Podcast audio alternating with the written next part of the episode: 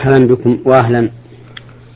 أولى رسائل هذه الحلقة وصلت من أحد الإخوة المستمعين للبرنامج يقول في سؤاله لقد تناقشت أنا وأحد الأئمة في مسجد قريب منا حول قضاء الصلوات وهو ما يعرف بقضاء الفوائد ولقد أكد لي هذا الشيخ أنه لا وجه للدلالة على وجود ما سبق ذكره قضاء الفوائد وأكد لي ذلك بطلبه مني دليلا على ما تناقشنا حوله من الكتاب والسنة فلم أجبه لذلك. فما هو رأي الشرع في نظركم يا شيخ محمد؟ مرفقا بالدليل أثابكم الله وجزاكم الله عنا خير الجزاء. الحمد لله رب العالمين وأصلي وأسلم على نبينا محمد وعلى آله وأصحابه أجمعين. هذا السائل لم يفصح. بما حصل بينهم بينه وبين صاحبه من النقاش. ولكن يبدو لي أنه أي النقاش الذي دار بينهما حول وجوب قضاء ما فات من الصلوات. فإن كان الأمر هكذا فإن وجوب قضاء ما دل فإن وجوب قضاء ما فات الإنسان من الصلوات قد دل عليه صحيح السنة. عن رسول الله صلى الله عليه وسلم حيث قال من نام عن صلاة أو نسيها فليصلها إذا ذكرها لا كفارة لها إلا ذلك. وتلا قوله تعالى وأقم الصلاة لذكري. وتلاوة النبي صلى الله عليه وسلم هذه الآية استشهادا بها واستدلالا على حكم المسألة يدل على أن ذلك أعني قضاء الفوائد ثابت بالكتاب والسنة. وكما أنه ثابت بالكتاب والسنة فهو مقتضى النظر الصحيح. لأنك إذا لم تصلي بقيت الصلاة دينا في ذمتك. والدين يجب قضاؤه. كما في صيام رمضان إذا تركه الإنسان لعذر من مرض أو سفر فإنه يلزمه قضاؤه عدة من أيام أخر. وليعلم أن هذا الحكم أعني قضاء ما فات من الصلوات في من لم يصلها لعذر من نسيان أو نوم أو نحوهما. وأما من تعمد ترك الصلاة حتى خرج وقتها فإن القول الصحيح أنه لا يلزمه القضاء لا تسهيلا عليه ولكن لأنه لم يأتي بها على الشرط الذي شرطه الله عز وجل في قوله إن الصلاة كانت على المؤمنين كتابا موقوتا. فقد أخرها عن وقتها متعمدا بلا عذر فإذا فإذا صلاها بعده كان قد صلاها على غير أمر الله ورسوله. وقد ثبت عن النبي صلى الله عليه وسلم أنه قال من عمل عملا ليس عليه أمرنا فهو رد. ولكن على من أخر الصلاة عن وقتها متعمدا أن يتوب إلى الله عز وجل ويصلح عمله.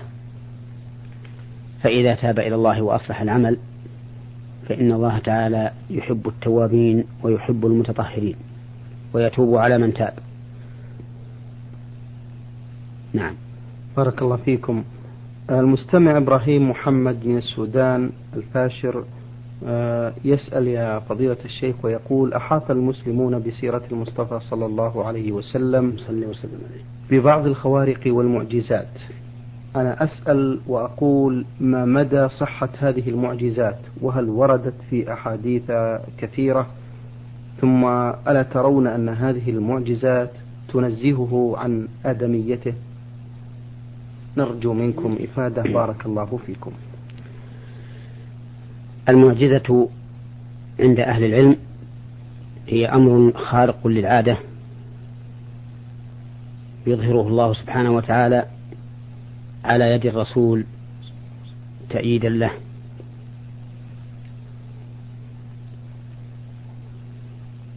وقد سماها أكثر أهل العلم في المعجزات والأولى أن تسمى بالآيات. التي هي العلامات على صدق الرسول وصحة ما جاء به كما سماها الله عز وجل بذلك. وهي أبين وأظهر من المعجزات أي من هذا اللفظ. فالأولى أن نسمي معجزات الأنبياء بآيات الأنبياء. والآيات التي جاء بها النبي صلى الله عليه وسلم آيات كثيرة حسية ومعنوية أرضية وأفقية أخلاقية وعملية. فهي متنوعة وأعظمها وأبينها كتاب الله عز وجل كما قال الله تعالى وقالوا لولا أنزل عليه آيات من ربه قل إنما الآيات عند الله وإنما أنا نذير مبين أولم يكفهم أنا أنزلنا عليك الكتاب يتلى عليهم إن في ذلك لرحمة وذكرى لقوم يؤمنون. ومن آيات الرسول عليه الصلاة والسلام الأفقية أن رجلا دخل يوم الجمعة والنبي صلى الله عليه وسلم يخطب فقال يا رسول الله هلكت الأموال وانقطعت السبل فادعوا الله يغيثنا. فرفع النبي صلى الله عليه وسلم يديه وقال اللهم أغثنا اللهم أغثنا اللهم أغثنا. قال أنس وهو راوي الحديث وما والله في السماء من سحاب ولا ولا قزعة أي قطعة أي قطعة غيم وما بيننا وبين سلع من بيت ولا دار. وسلع وسلع جبل معروف في المدينة تخرج من نحوه السحب. قال أنس فخرجت من, ورائه سحابة مثل الترس.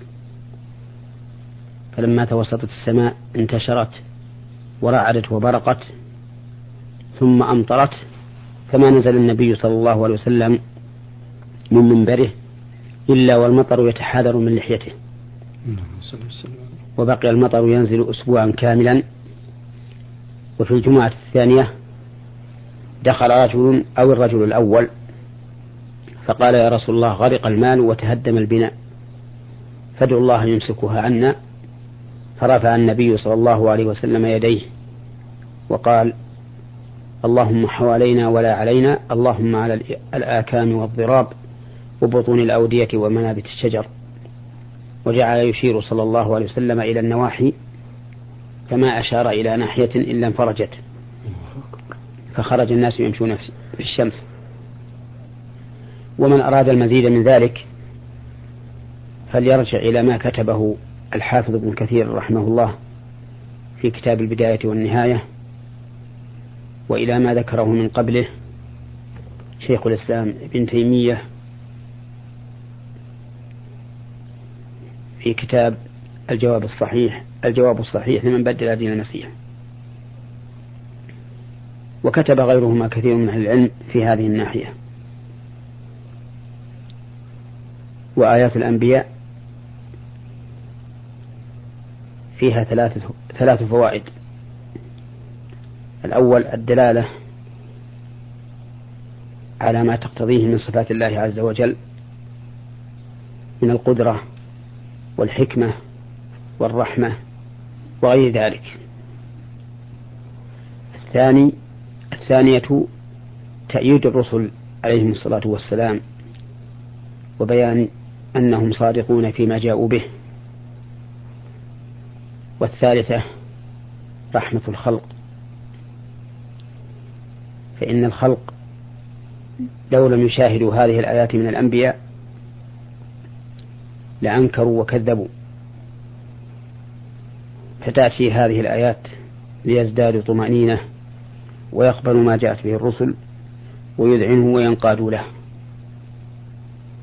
والله عليم حكيم. وأما قول السائل أفلا تكون هذه الآيات مجردة له عن الأحوال البشرية فإننا نقول له لا. هذه الآيات لا تخرجه عن كونه بشرا. ولهذا لما سهى النبي صلى الله عليه وسلم في صلاته قال قال لهم إنما أنا بشر مثلكم أنسى كما تنسون.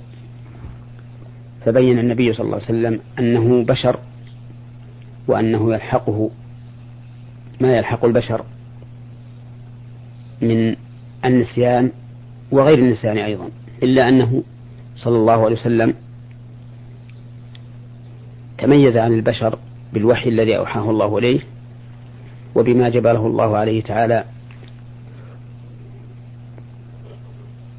من مكارم الأخلاق ومحاسن الأعمال من الصبر والكرم والجود والشجاعة وغير ذلك مما كان به أهلا للرسالة. والله أعلم حيث يجعل رسالته. وليعلم أن رسول الله صلى الله عليه وسلم لا يعلم الغيب ولا يملك لنفسه نفعا ولا ضرا ولا يملك ذلك لغيره أيضا. فقد قال الله له قل لا أقول لكم عندي خزائن الله ولا أعلم الغيب ولا أقول لكم إني ملك.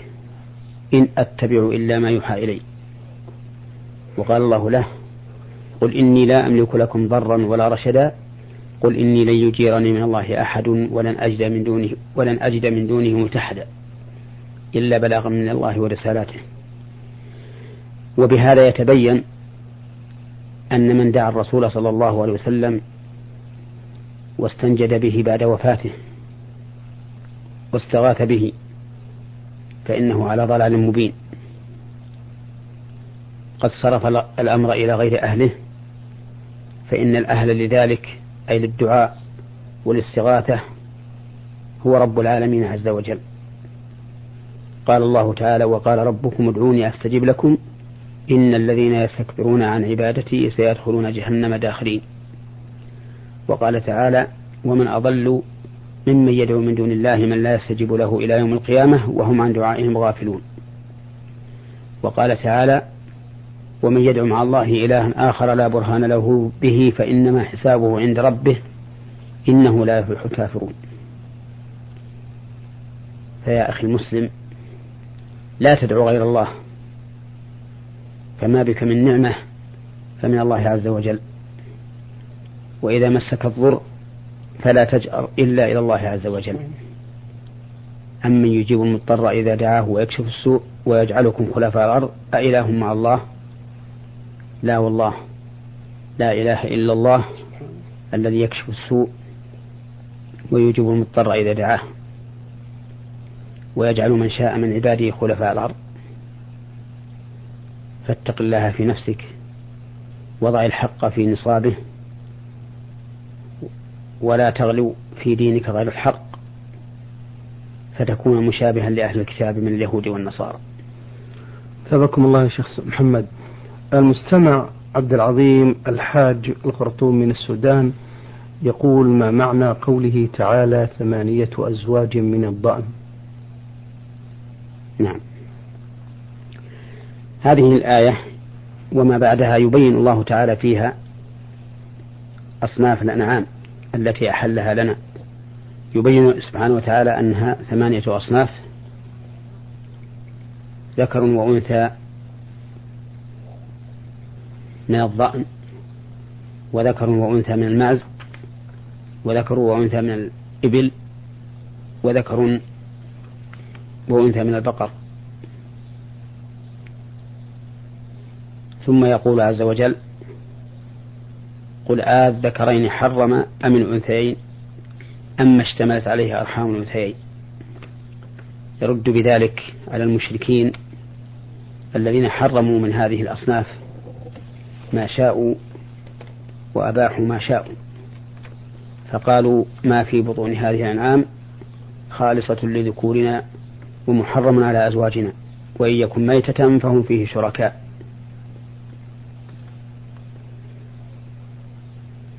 وتشير الآية الكريمة إلى أنه لا يحل لأحد أن يحلل أو يحرم شيئا إلا بإذن الله عز وجل. فإن التحليل والتحريم والإيجاب والاستحباب كله إلى الله عز وجل. ليس لأحد أن يتقدم فيه بين يدي الله ورسوله. ولا تقولوا لما تصف ألسنتكم الكذب. هذا حلال وهذا حرام. لتفتروا على الله الكذب.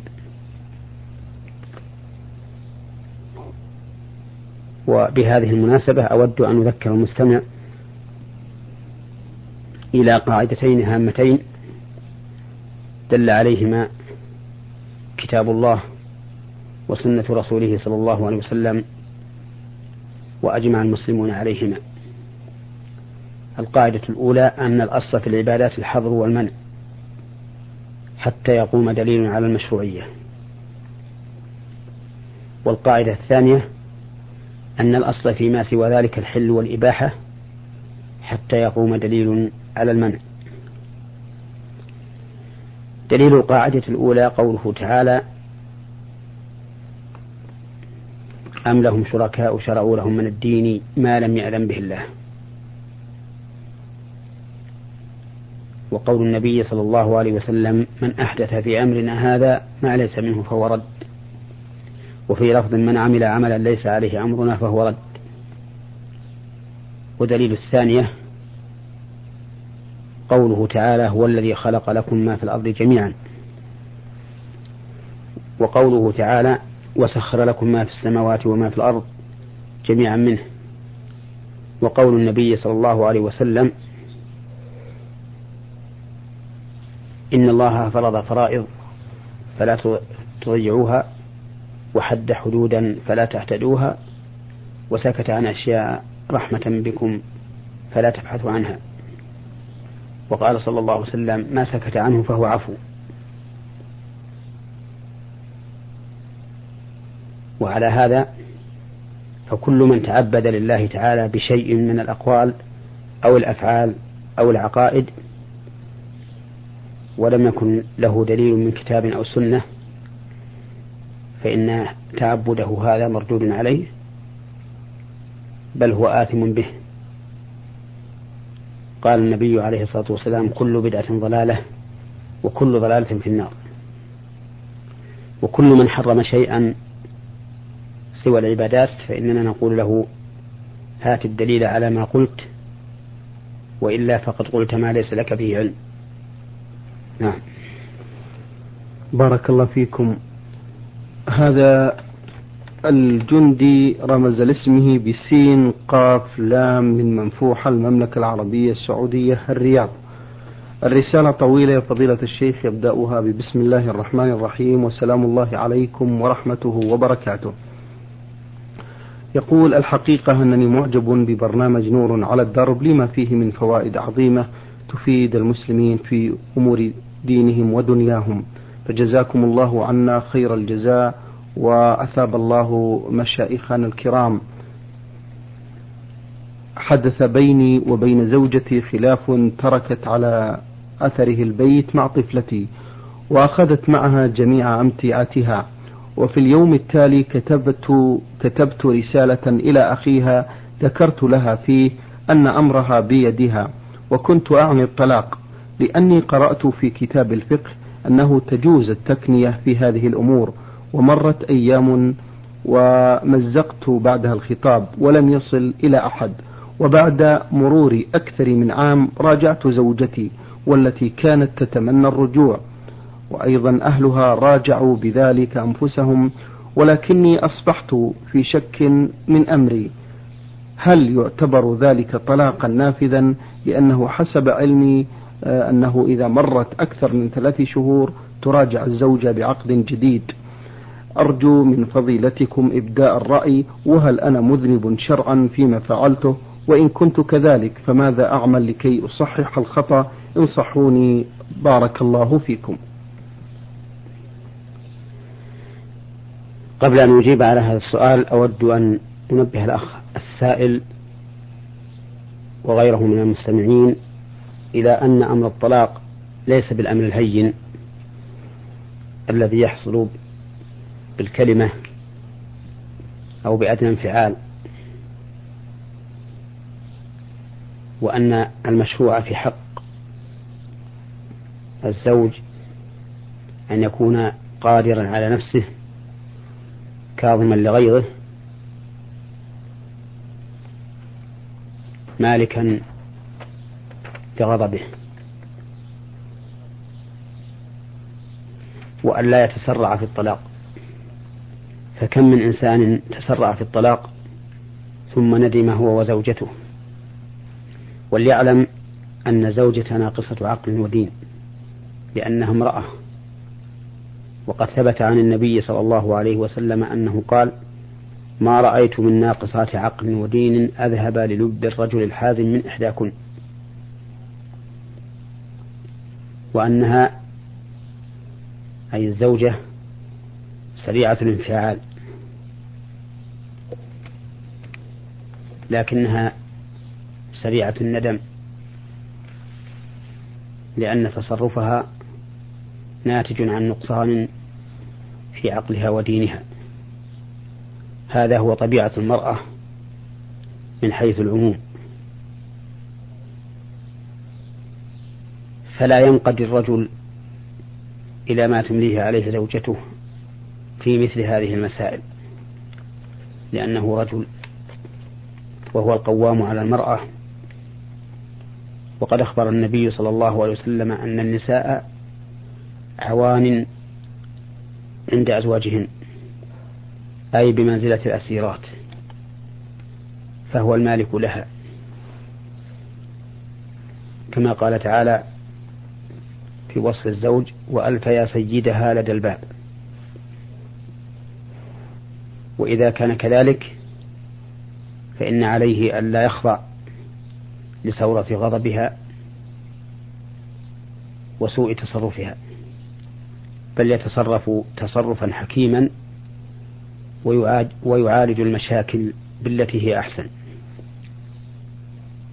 والرجل العاقل المؤمن يعرف كيف يتصرف. وإذا أراد الإنسان أن يطلق فلينظر هل المرأة في حال تسمح لوقوع الطلاق عليها أم لا. والحال التي يمكن إيقاع الطلاق على الزوجة فيها هي أن تكون حاملا أو أن تكون طاهرا طهرا لم يجامعها فيه. فإن كانت حائضا فلا يطلقها. وإن كانت طاهرا طهرا قد جامعها فيه فلا يطلقها.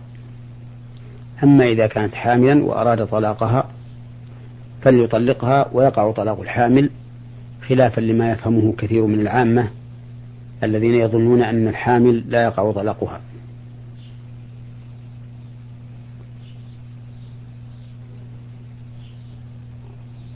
ويجوز للإنسان أن يطلق الزوجة بنفسه وأن يوكل من يطلقها سواء وكلها هي أو وكل غيرها. ومن صيغ التوكيل أن يقول لها أمرك بيدك. فإذا قال لها أمرك بيدك وقبلت ذلك وطلقت نفسها طلقت. أما إذا قال ذلك ولم يبلغها هذا القول ثم عدل عنه فإنه, فإنه لا طلاق. لأنها وكالة لم تبلغ الموكل الموكل ثم إنه فسخها قبل أن تبلغ الموكل. وعلى هذا فاطمئن على أهلك ولا يكن في قلبك حرج فالزوجة زوجتك ولم يقع عليها طلاق. بارك الله فيكم شيخ محمد. آه المستمع عبد العظيم آه الحاج من الخرطوم من السودان يقول أرجو من فضيلة الشيخ أن يورد قصة لسيدنا سليمان عليه السلام مع ملكة سبأ والجن والهدهد لأنني دائما أقرأ هذا في القرآن وينقصني بعض الشيء عن هذه القصة. هذه القصة ذكرها الله تعالى مطولة مبسوطة في سورة النمل وكثير من قراء القرآن الكريم يعرفها بمجرد أن يقرأها. ومن أشكل عليه شيء منها فعليه أن يرجع إلى التفاسير. كتفسير ابن كثير رحمه الله أو غيره من كتب التفسير الموثوق بها. وأنا أحيل السامع بل أحيل السائل على تفسير ابن كثير فليرجع إليه. نعم. بارك الله فيكم فضيلة الشيخ وعظم الله مثوبتكم. إخوتنا المستمعين الكرام كنتم بصحبة الشيخ.